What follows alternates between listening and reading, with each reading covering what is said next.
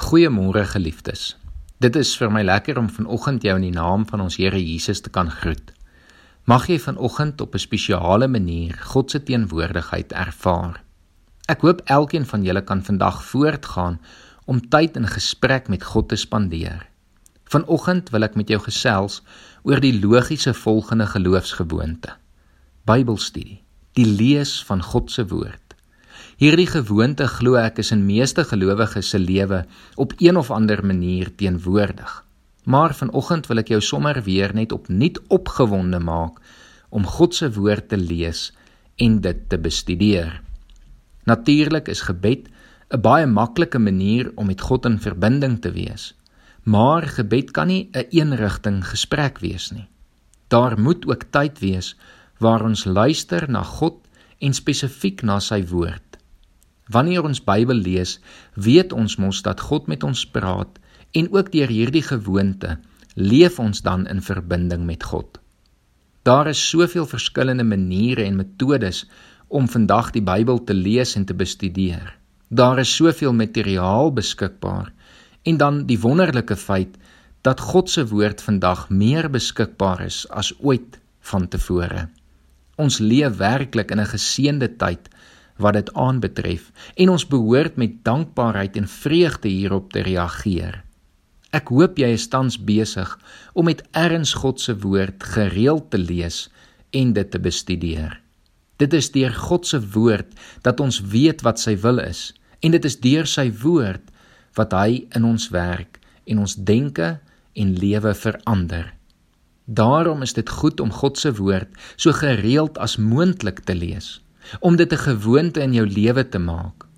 Daar is onlangs 'n studie gedoen om te kyk wat die effek van Bybellees op mense is.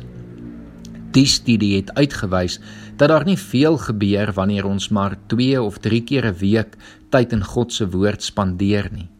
Maar die verrassende was dat sodra ons 4 keer of meer God se woord begin lees, dit ons radikaal begin verander.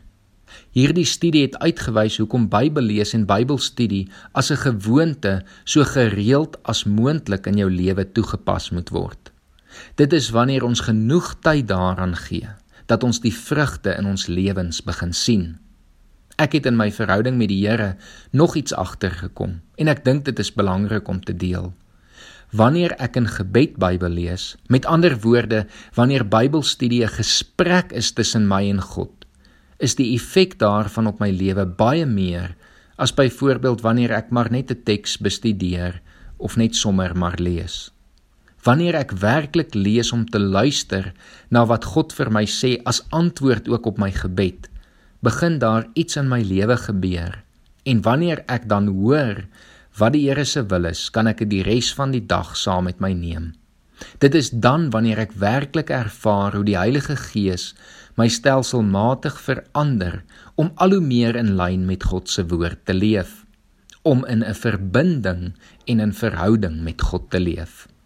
Ek wil afsluit met twee van my gunsteling psalms en ek hoop hierdie inspireer jou om vandag die lees van God se woord in jou lewe te prioritiseer.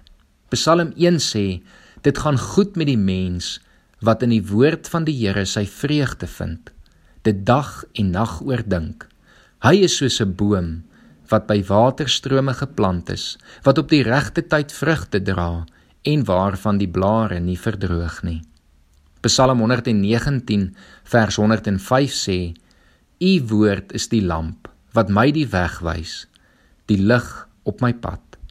Mag hierdie woorde vir jou vandag waar word. Mag jy ontdek hoe ryk en kosbaar God se woord vir jou lewe is. Mag jy dit geniet om dit te lees Kom ons bid saam. Here, U is die lewende woord.